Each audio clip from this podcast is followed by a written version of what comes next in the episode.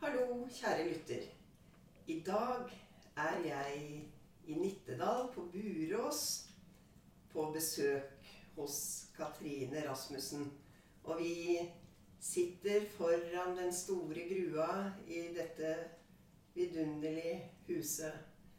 Gamle, fine huset. Og nå lurer jeg på, Katrine Når var det du visste at du skulle bli kunstner? Hmm. Det tror jeg var ganske tidlig. Eller om ikke jeg akkurat visste at jeg skulle bli kunstner, så var jeg opptatt av å tegne og lage ting fra jeg var veldig liten. Helt fra sånn dukkeklæralder.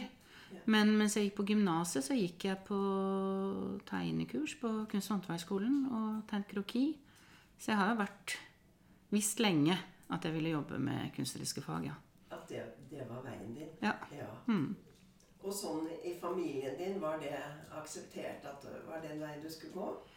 Altså, det, det var det absolutt. Det var Du kan si det var en for så vidt kanskje litt fremmed tanke, men, men jeg har alltid bare blitt støttet. Altså, broren min var arkitekt, så det var ikke så langt unna, for så vidt. Men eh,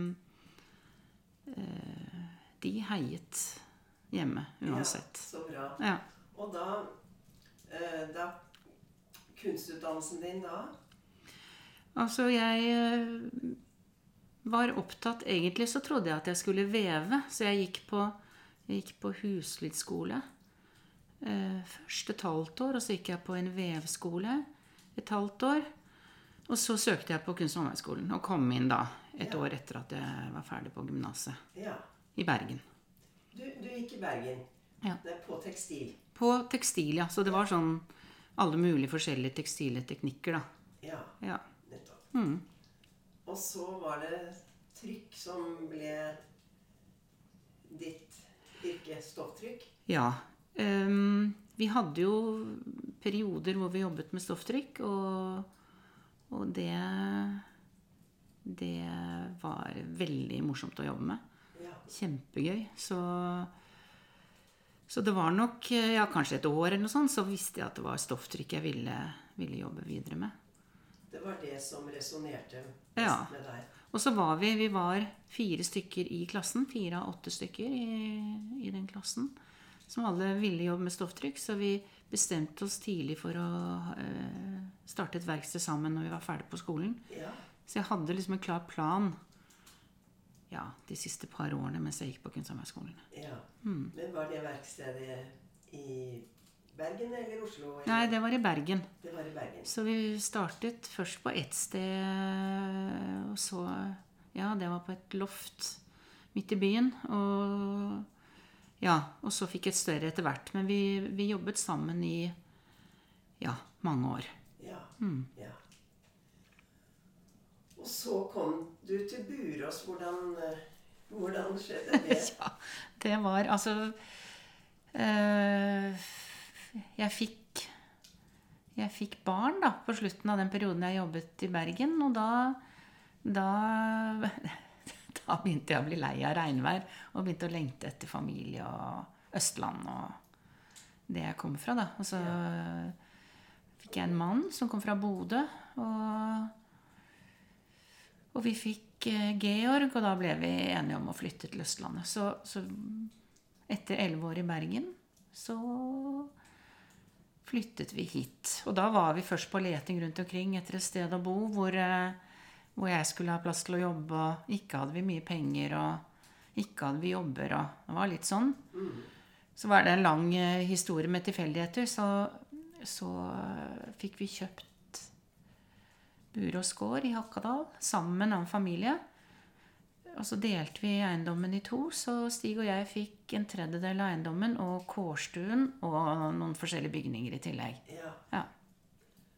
Og så har dere jo restaurert og tilbakeført dette til så utrolig nydelig ja, det har jo vært et liv med masse, med masse jobbing for å få, få ting opp å stå. Det, er- I perioder har det føltes som å være midt ute på et hav. Og ikke kunne vi svømme fremover, ikke kunne vi svømme tilbake. Og ikke hadde vi penger, og det var helt, helt umulig å selge det fordi det var for dårlig, og vi hadde ikke penger til å restaurere for å få det bra nok. Så det har vært eh, slitsomme år og morsomme år og tunge år og arbeidsomme år for å få dette stedet sånn som det er nå. I begynnelsen, de seks første årene, så hadde vi bare utedo. Og jeg hadde barselperiode med litt baby og Ja. Det var tøffe kår. Det var det. eh, hva skal jeg si, da? Det, for oss så var det bare det vi hadde lyst til. Men det var tungt i perioder. Jeg må jo si det. Ja. Men dere var både handy og uavhengig selvstendige. Ja, så vi, vi jobbet med å male og sparkle og pusse og holdt på. Veldig intenst i begynnelsen, og så etter hvert så møtte kanskje den der økonomiske veggen oss litt mer, så det ble litt sånn tyngre etter hvert. Men så har det gått skritt for skritt, og litt arv og litt også tilskudd fra Kulturminnefondet og fylket, og vi har fått en del. Fordi, fordi hele gården her regnes som verneverdig, så har vi fått en del tilskudd til det. Vi kjøpte av Løvenskiold, så det har liksom vært en del av Nordmarksgodset og med tung historie. Det var en del av Hakadal jernverk, denne gården. Ja, Ja. nettopp. Mm. Men så har du jo hatt eh, Du kan jo se tilbake på nå et langt liv som billedkunstner, stofftrykker. Mm. Og har hatt uh, både store og små oppdrag, mange utstillinger. Er det noe du er mest glad for? Ja, altså Du sier billedkunstner, men jeg, jeg identifiserer meg veldig sterkt som kunsthåndverker og ikke billedkunstner. Ja. For meg er det faktisk eh, viktig. Mm. Det har jeg bare lyst til å si litt, fordi um, Jeg tenker hva det handler om. For jeg er veldig opptatt av teknikkene og materialene og det taktile og Jeg har alltid tenkt at jeg er flinkere til å lage fine ting enn til å tenke finurlige tanker. Mm. Eh, så det har vært min tilnærming. Men når du spør, når du spør liksom hva som jeg har vært mest glad for, eller Det er selvfølgelig mange ting, men eh, i, det, eh, i den perioden hvor jeg flyttet fra Bergen og hit til Hakadal, så, så var det et brev som hadde forsvunnet på, på veien i den prosessen. Eller jeg vet ikke hva som skjedde, men sånn i påsketider så fikk jeg en henvendelse fra Galleriet 15 om hvorfor ikke jeg hadde svart på, på, på, på invitasjon til å være med på Tendenser. Ja, Ja, det året. Ehm, det brevet hadde ikke jeg fått. Og man sier jo ikke nei til Nei. å være med på Tendenser når man er ganske ja, ganske i begynnelsen av karrieren, og da sier man ikke nei til det. Og da hadde jeg ikke fått et verksted, og jeg jobbet i eh, 80% stilling i Televerket for å tjene penger, og det var ja Så da fikk vi eh, Stig hjalp meg og liksom og fikk opp et trykkbord på et uthus her på loftet, og, og fikk, fikk ordnet et provisorisk verksted. Og jeg hadde jeg, jeg husker ikke helt, jeg lurer på om jeg tok meg en uke fri eller noe. En ferieuke, kanskje. Og hadde litt barn også, da. Men, men da bare jobbet og jobbet og jobbet og jobbet jeg. Og måtte legge til side all sånn nøling og fomling og bare måtte uh, gyve på uten å, uten å grave meg ned. Og fikk laget uh, en serie med arbeider. Og da ble jeg kjøpt inn både av uh, Kunstindustrimuseet i Oslo og Norsk kulturråd på den utstillingen. da. Oi. Det var Jeg må si det var morsomt. Ja, det var, Det var gøy. fantastisk. Ja. For da kom jeg inn i en sånn flyt hvor jeg klarte å tenke de riktige tankene. Det var jo en boost på selvtillit og karriere. Det var det. Så det var veldig gøy. Ja, Ja. ja. Sånn. Hvordan klarte du å, å kombinere det med å ha familie og barn, og, og det å, å jobbe som kunsthåndverker? Ja. Altså, jeg tenker på Jeg har, jeg har et uh, lite barnebarn på, uh, på, ti må nei, på, ja, på ti måneder. Ja. Og de uh, unge foreldre nå for tiden, de, de har liksom ikke skjønt konseptet lekegrind. Nei. Lekegrind. Det måtte til. Ja. Ja. Ja. Så jeg fikk jo etter hvert et bedre verksted, og så har jeg jo hatt de barna mine i lekegrind på det verkstedet. ja.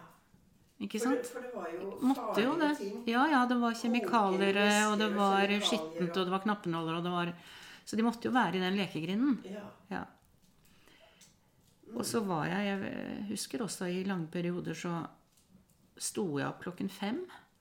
Og så jobbet jeg noen timer på verkstedet før de våknet.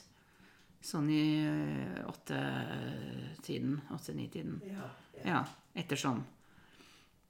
Da hadde du noen timer for det? Så. Ja, så da var jeg, hadde jeg noen mm, timer hvor ikke noe forstyrret meg. Det gjorde jeg i lange perioder da jeg hadde små, små barn. Eller før de skulle på skolen eller i barnehage. eller sånn, At jeg hadde noen timer helt, helt for meg selv. Ja, ja. Det er for det er mange, det er mange tøffe, tøffe kår å, å, å slåss med. Altså, man har Ja, du har økonomi, og du har ja, familie som krever deg, og Ja, altså, det som jeg, tror, jeg tror man må ha en sånn evne til å slå litt av og på. Og klare å være til stede med unger og hverdag og alt det man driver med med det. Og så klare å slå av den bryteren og jobbe. Det tror jeg er viktig å få til. Og så har jeg vært heldig og hatt Eller heldig og heldig, eller i hvert fall så har jeg hatt det sånn da, at jeg har hatt verksted hjemme. Så jeg har kunnet gå og jobbe den ene timen hvor det plutselig var en lomme. Ja. Ikke sant? Og så har, når guttene mine ble litt større, så hadde de veldig respekt, for, at, for at jeg var på verkstedet og jobbet. ja. Så de kunne komme fra skolen, og jeg var her hvis det var noe, men de, de kom liksom ikke og maste, eller eh, De skjønte at når jeg var der, så jobbet jeg. Mm.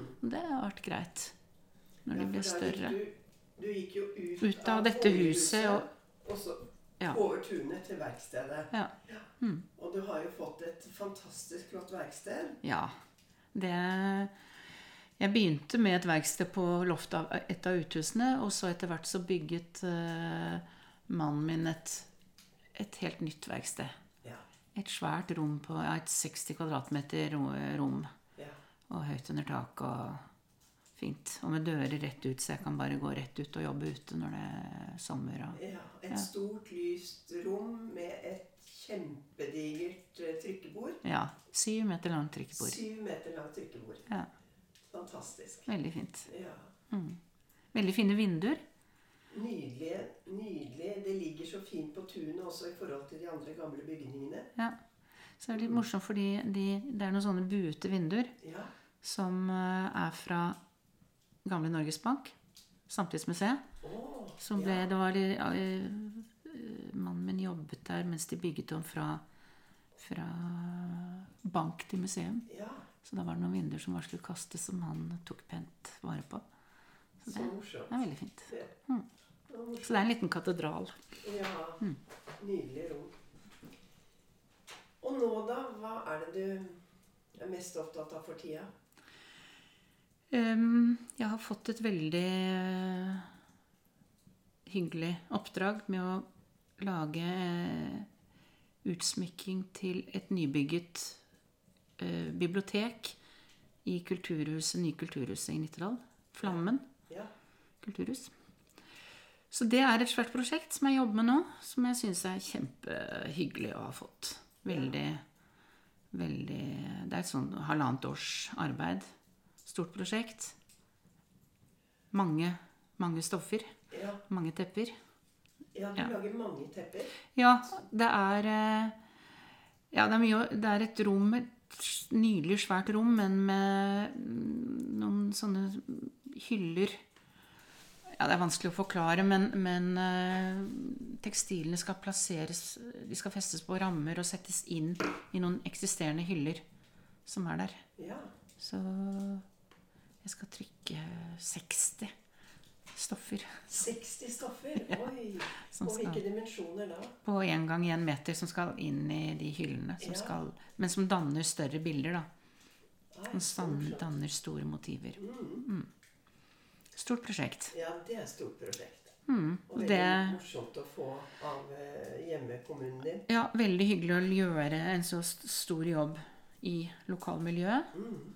Og selvfølgelig eh, har jeg et veldig stort ønske om at det skal bli bra, at folk blir fornøyde med det, og at det blir et bra tilskudd til Ja, det huset. Klar. Du ser det veldig godt utenifra også når du kommer kjørende, så det er eh, Ja, at det vil synes. Det vil synes for eh, alle som kjører forbi. Mm. Mm. Men hvis du ser tilbake nå, eh, hvis du skulle gi råd til en ung Katrine, 20 år, som står på terskelen til kunstnerkarrieren, Hmm. hva for råd ville du gi? Det er vanskelig fordi det er lett å se tilbake og tenke at jeg skulle sagt ja til det, eller jeg skulle lagt det til side for heller å ha jobbet med det. Men um, kanskje å stole litt mer på seg selv, ha litt mer selvtillit. Det syns jeg ofte har vært et problem. At jeg tenker at eh, nei, og syns folk dette er noe, og er dette bra? Og litt, bli litt flinkere til å tenke at hvis jeg syns det er nydelig, så er det helt sikkert andre som syns det òg. Eller hvis jeg syns det er bra. Mm. Så rett og slett å ha mer selvtillit er viktig. Ja. Mm. Mm. Eh, Moren min har en, jeg hadde en klok, god mor som sa ikke still ditt lys under en skjeppe, sa hun til meg Ja. ofte. Mm. Ja. Tør å, tør å skinne. Ja. Ja. det var jo flott. Flott råd fra en mor. ja, Ja. det syns jeg. Det tenker jeg på, hun sa. Mm. Hva er du mest liksom takknemlig for når du, når du ser tilbake? Eh, hva skal jeg si da?